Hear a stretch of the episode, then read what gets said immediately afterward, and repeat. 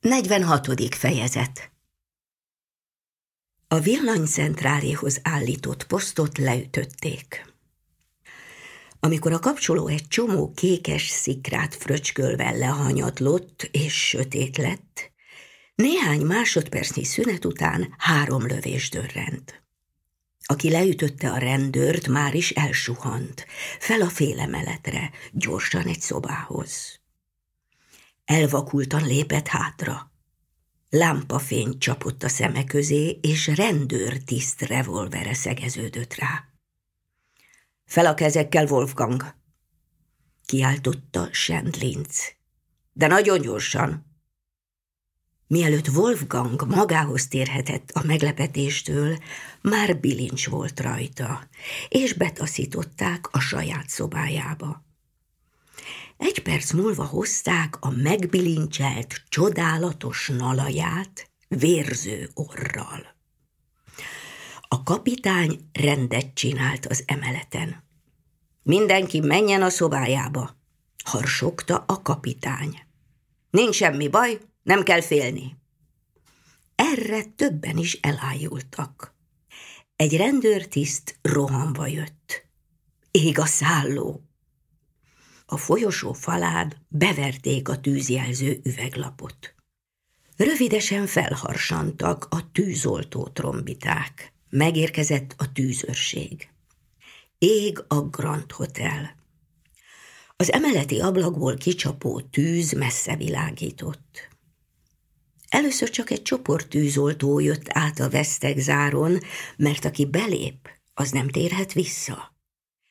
Szerencsére a jelentéktelen tüzet sikerült ennek a csoportnak eloltani, és a halba összeterelt vendégek ismét a szobáikba mehettek. Elder elsősorban nem a foglyokkal törődött, miután látta, hogy Félix kisé imbolyogva, de a saját lábán jött Márkájtal. A rendőrtiszteket hallgatta ki. Előzőleg a főfelügyelő megbeszélte velük, hogy ha ismét elsötétedik, valamennyien egy megjelölt helyre siessenek, és ne mozduljanak onnan, bármi is történik. Az emeleti lépcsőházakhoz és néhány szobához osztotta be a tiszteket. Hol van Ferguson? A tiszt jelentkezett. Homlokáról csorgott a vér, és fél arcán véraláfutás vonult. Mi történt? Odaálltam a földszinti feljáróhoz, ahogy mondta. Valaki jött, elkaptam, fejbe ütött. Nem menekülhet ki. Átkutatjuk a házat, kiáltotta Elder. Egy embert kell keresni vörös kockás pizsamában, előre. Félix gyorsan a mosókonyhába ment. Sötét volt. Ő sejtette, hogy merre menekült az illető. Gilda? Itt vagyok, Sahib. Kigyúlt a villany, a hindu leány remegve állt előtte. Egy hálóruhás embert keresek. Gilda hallgatott. Ha leengedted, mondd meg, akkor nem lesz bajod, különben elvesztél. Itt ment le, uram. Hogy nézett ki? Nem láttam az arcát. Kendővel bekötötte. Jól van, Gilda. A rácsos fedél már könnyen járt. Harmadszor emelték ki aznap. Félix lesietett a vas lépcsőn és futott. Macskányi rőt patkányok rebbentek szét mindenfelől. Végre, ahogy megállt hallgatódzni, mintha távoli lépések kopognának. Lábúj hegyen futott, teljes erőből. Az egyik forduló után meglátta a menekülőt. Pizsamában volt. A fejét briganti módra átkötötte egy kendővel. Most megfordul, észreveszi az üldözőt, fut, a következő fordulónál Félix minden elővigyázatosság nélkül kanyarodik. A szűk, boltozatos csatornában dobhártya repesztő vízhanggal dördül két lövés. Valami megüti a fiatal embert, hogy le kell ülnie a fal mellett, és homályos lesz minden. A bekötött arcú pizsamás rohan tovább. Már sokkal nagyobb utat tett meg, mint Kramárc. A legközelebbi vaslépcsőn felsiet. Hosszas erőlködés után sikerül kimászni. Aszfalton áll, lihegve körülnéz. Katonák és tűzoltók fogják körül hirtelen. Gyorsan felkapja a revolvert, de egy kard lecsap lapjával a kezére, hogy kiejti a fegyvert. Nem, ez túl egyszerű lenne, mondja Elder, előlépve a csoportból, és leszakítja a kendőt a pizsamás fejéről. A körülállók elszörnyedve lépnek hátra. A fogoly arcát csúf, vörös helyek borítják. Mein Herr Professor Decker, letartóztatom. Egy karperec kattant. 47. fejezet Amikor Félix magához tért, egy hotelszobában feküdt, és mód hajolt föléje. Hogy érzi magát? Félix mosolygott, és megfogta a leány kezét. Jól, kedves. A vállán sebesült meg, nem ért tüdőt a golyó. Azt mondja Mark Haight, hogy a kimerültség jobban legyengíti, mint a sebe. Igyon tejet. Mi van? Csend. Először igyon tejet, azután beszélgetünk de nem beszélgettek. Alig, hogy lenyelte az utolsó kortyot, ismét elaludt. Késő este volt már, amikor felébredt. Mód ott ült mellette. Félix frissnek, egészségesnek érezte magát, és kinyúlt a leány keze után. Mód, tudni akarom, hogy mi van magával. A leány mosolygott. Mi lenne? Fogoly vagyok. Elder. Nem, mondta a leány. Maga. Elder szerint cseberből vederbe kerültem. Egészen föléje hajolt. Mert szerintem maga nem bocsát szabadon többé. Igaz? Csak akkor rebbentek szét, amikor a főfelügyelő belépett. Elder megszorította Félix kezét keményebben, mint máskor. Az imént telefonáltam az apádnak. Nem említettem, hogy megsebesültél. Jól tetted. Képzelem, a drága öreg milyen ideges lehetett, amikor látta, hogy tűz van. Elder ugyanis már értesítette, hogy itt vagyok. Fordult módhoz. Elmondta már Borkman kisasszony a bűnügy epilógusát. Félix csak most ébredt fel. Azután úgy érzem, hogy ez a maga kötelessége. Még sok minden van, amit magam sem értek. Kopogtak. A szobapincér teát szervírozott. Hát, hogy is volt?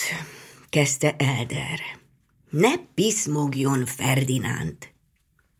Felesleges, hogy hallgatódzék, jegyezte meg Félix. Kap tőlem egy nyári ruhát és két látcsövet, csak menjen nyugodtan. A pincér elképett, és remegő kezében megrezdültek a poharak. De kérem, motorkerékpárról szó sem lehet. Mars! Ferdinánd sietve és halványan távozott. Dekker tanár nagyvonalú gonosztevő, kezdte Elder. Mi? álmélkodott Félix. Még ezt sem tudod. Dekker volt a fantom, a zsaroló, a gonosztevő. Ő hitette el magáról, hogy Borkman. Én úgy éreztem, hogy meg kell őrülni, amikor ez bizonyossá vált, mondta Mód. Én pedig már az első napon sejtettem. Az ügy ősi oroszországi háttere előttem is titok volt, amíg Dekker nem mondta el. A professzor Moszkvában együtt diákoskodott Borkman kisasszony anyjával. Szerelmes is volt a szép medikába. De megjelent Szergius herceg, aki a vásárolt okmányok alapján a Borkman nevet használta. Megszerették egymást a leányjal, és házasságot kötöttek.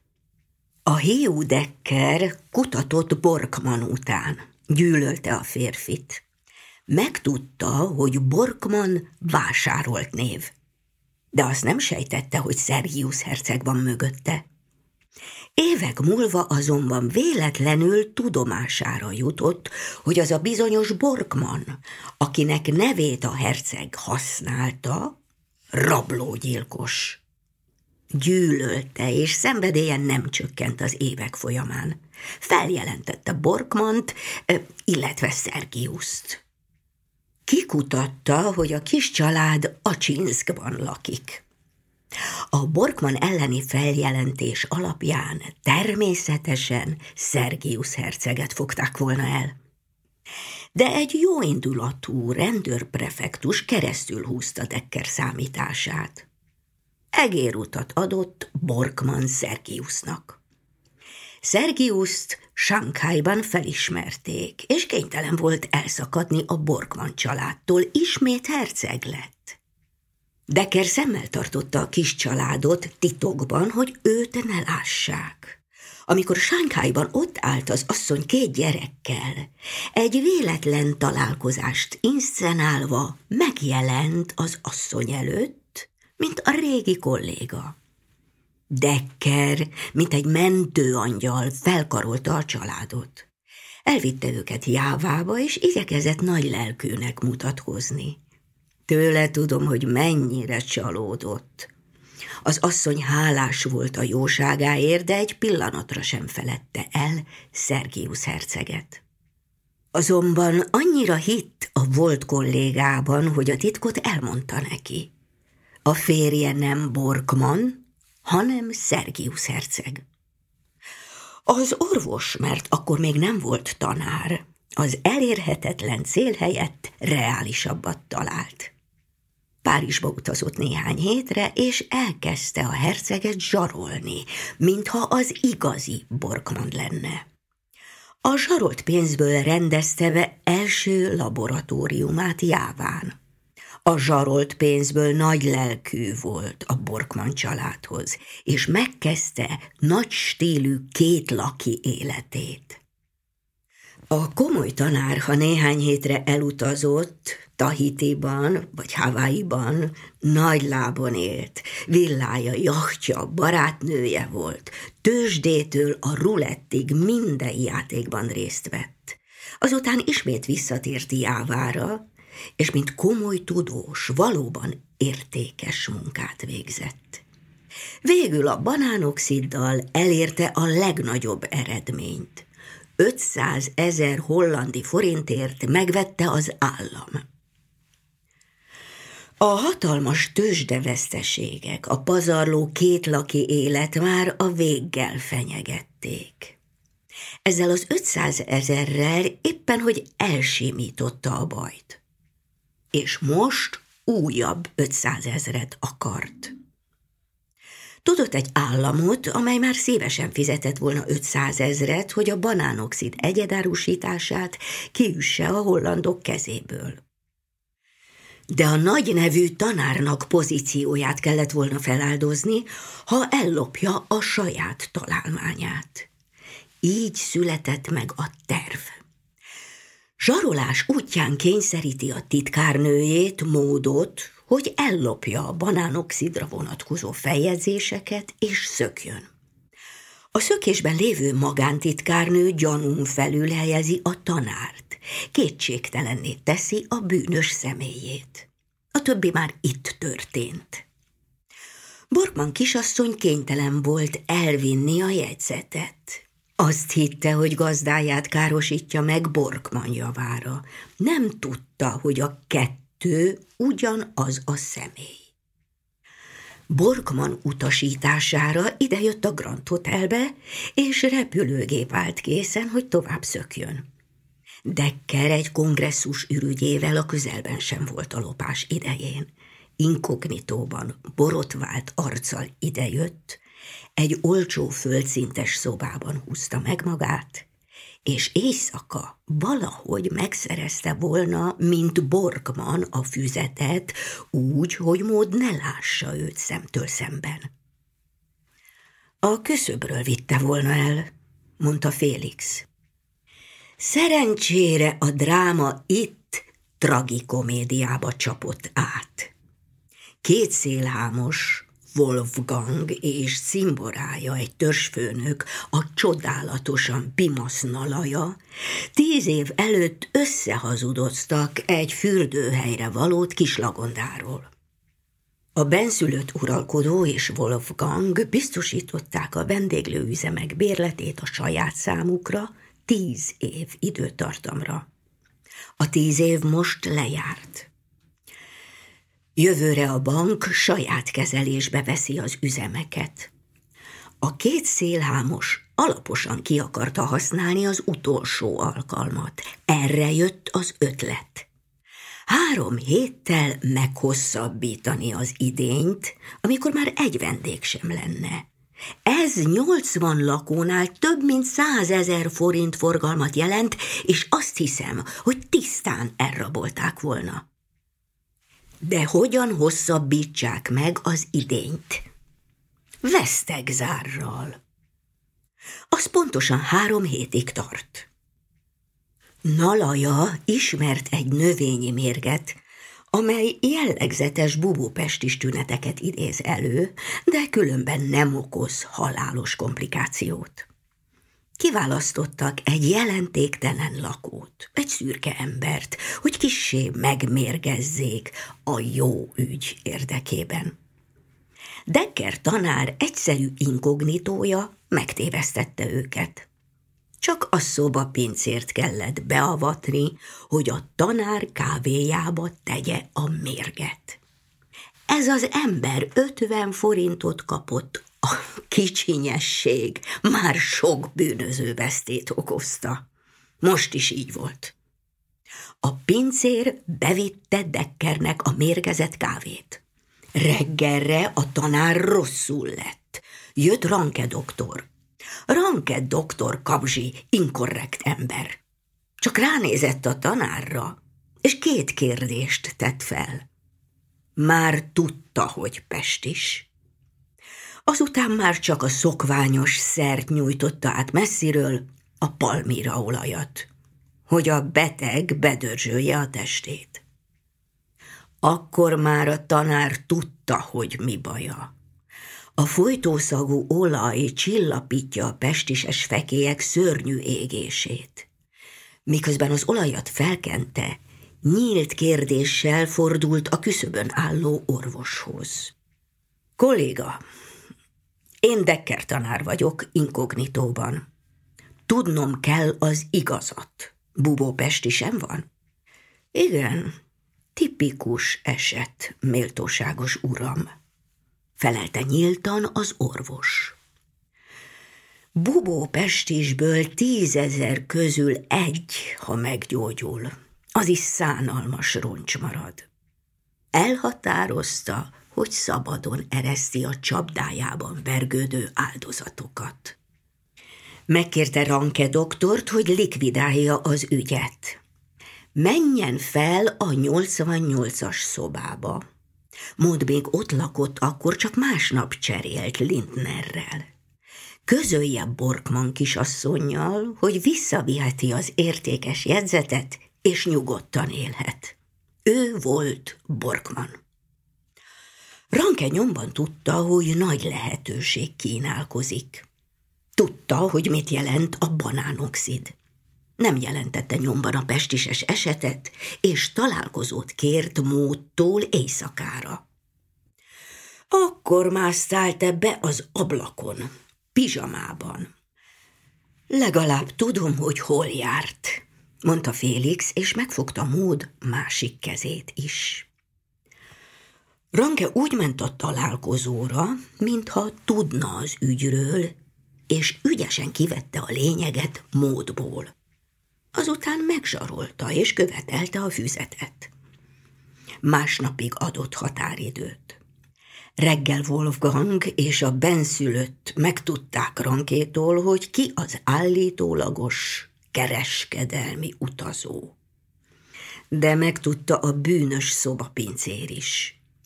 Életfogytiglani fegyház kockázatát vállalta 50 forintért. Mi alatt az orvos telefonon bejelentette az esetet, ez a pincér bement a beteghez. Deckernek már gyanús volt a láz és bénulási tünetek nélküli bubópest is. A pincér, hogy mentse a bőrét, őszintén elmondott mindent a betegnek a mérgezésről. Dekker nyomban tisztában volt a helyzettel. A pincérnek pénzt adott, hogy hallgasson továbbra is. Alig várta, hogy Ranke visszatérjen. Közben azonban megérkezett a rendőri bizottság, és vesztegzárat rendeltek el. Alig, hogy Markheit kilépett a betegszoba küszöbén, Dekker felosont az emeletre. Ranke doktor ez alatt a 88-asba sietett, de már Lindnert találta ott, aki szobát cserélt móddal. Engedélyt kért az énekestől, hogy telefonálhasson. Lindner elment, mert mindenkit a halba hívtak a rendőrök. Ranke épp felvette a kajlót, hogy módot hívja, amikor jött a beteg. Szóváltást támadt és dulakodtak. Ez látszott a halott letépet nyakkendőjén, leszakított ingén. Ranke a megmérgezett beteget könnyedén a földre teperte, de mielőtt kiléphetett volna a szobából, az íróasztalon fekvő színpadi törrel Dekker ledöfte az orvost. Ezután egy csomó hisztériás állapotban élő ember lépett a színre. Signora Relli Lindman szobájából kivitte a halottat. Mód azt hitte, hogy a herceg ölte meg, és elrejtette a tört. Félix átosont a furcsa zajra, és mert azt hitte, hogy gyanúba keveredne, visszasietett a rejtekére, de elveszítette egy pizsamagombját a halott mellett. Mindez erősen hátráltatta a nyomozást. Én azonban szerencsére találtam egy jelentős nyomot. Egész enyhén, de mégis konstatálhatóan némi olajszag érződött a tetemen. Deckerről tapadt rá egy kevés. Így indultam el a helyes nyomon. A dulakodás meglátszott a tetemen, de a szobán nem. Azután vérnyom is kevés volt a sebhez képest.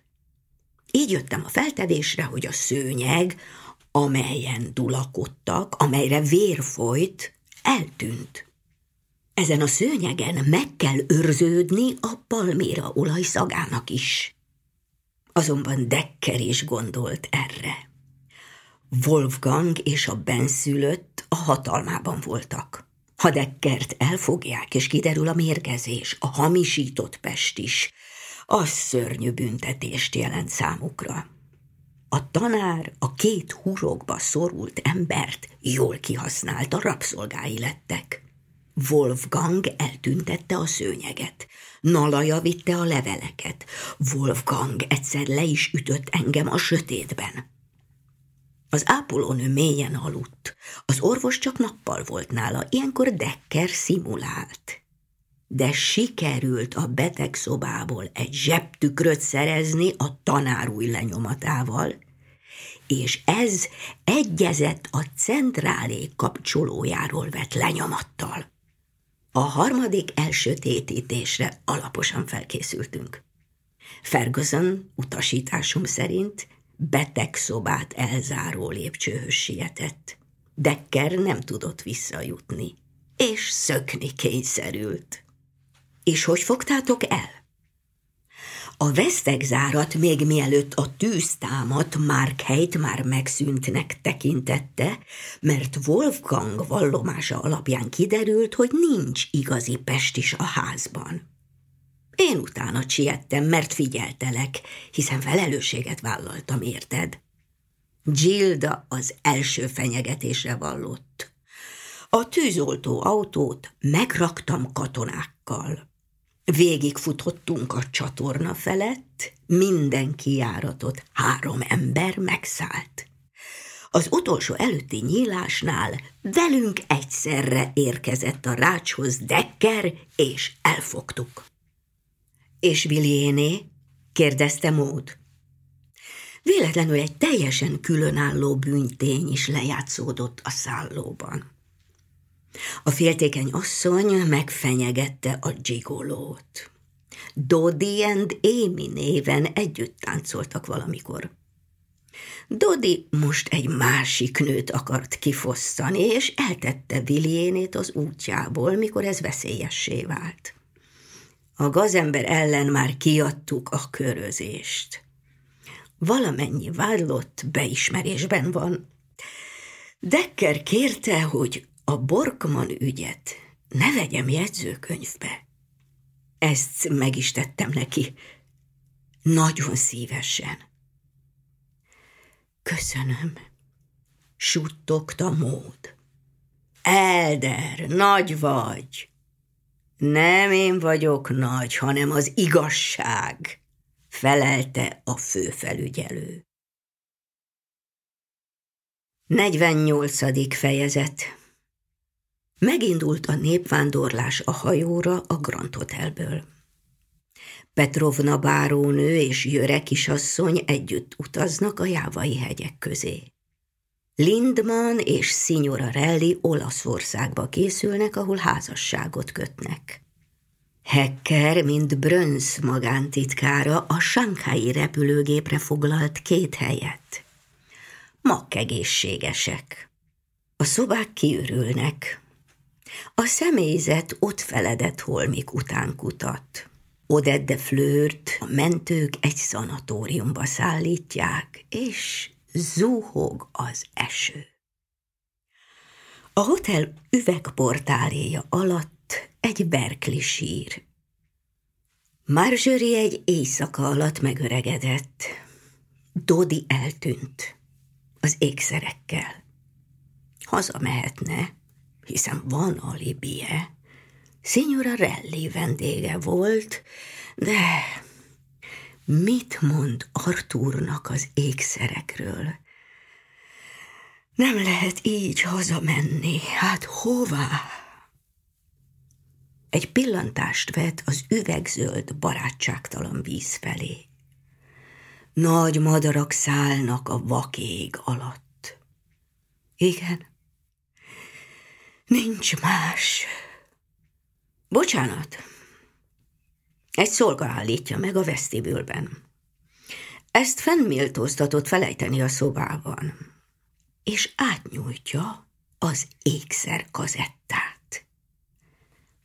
Marjorie kinyitja, a hajába nyúl, itt van, mind, mind, megőrült, lehet, ki maga? kérdezi lihegve. Egy szolga a sors szolgája. Még ez egyszer, asszonyom, de utoljára, ugye érti? Becsülje a férjét, és örüljön a gyermekének. Orevár, a sors szolgája eltűnik, Ederhez megy.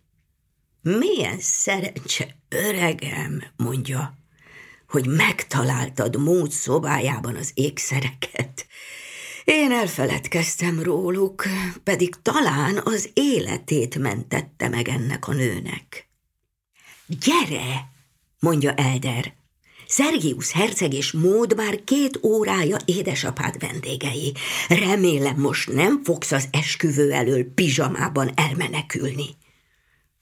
Nem valószínű. Elindulnak, de Félix megáll.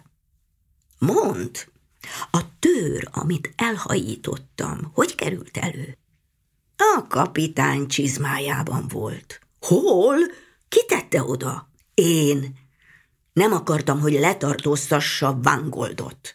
Ezért miután megtaláltam a tört a kertben, betettem a jó őre kapitány csizmájába. Na, csak ne tudja meg. És a füzet a banánoxiddal már illetékes kezekben van. Megtaláltam az irodában, az inaskabát belső zsebében, ahogy mondtad. És letagadtad előttem? Le, mert különben Deckernek adták volna. Gyerünk! A kormányzó villájában egy csapat boldog ember ül az asztal körül. Az első zuhog, de ki bánja? A kormányzó örül a fiának, Elder az előléptetésnek. És Félix mindennek, mert a leány kezét fogja állandóan a terítő alatt. Egy újsághír. Különös dráma játszódott le a szingapúri Alcazar mulatóban. Egy féltékeny táncosnő lelőtte Erik Kramarcot, aki Dodi néven, mint táncos artista szerepelt a mulató műsorán. Erik Kramarc a helyszínen meghalt.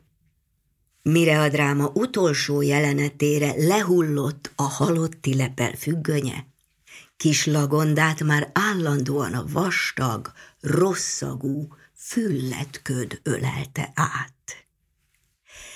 Egy fiatal pár nászútja során Hawaii-ba érkezett.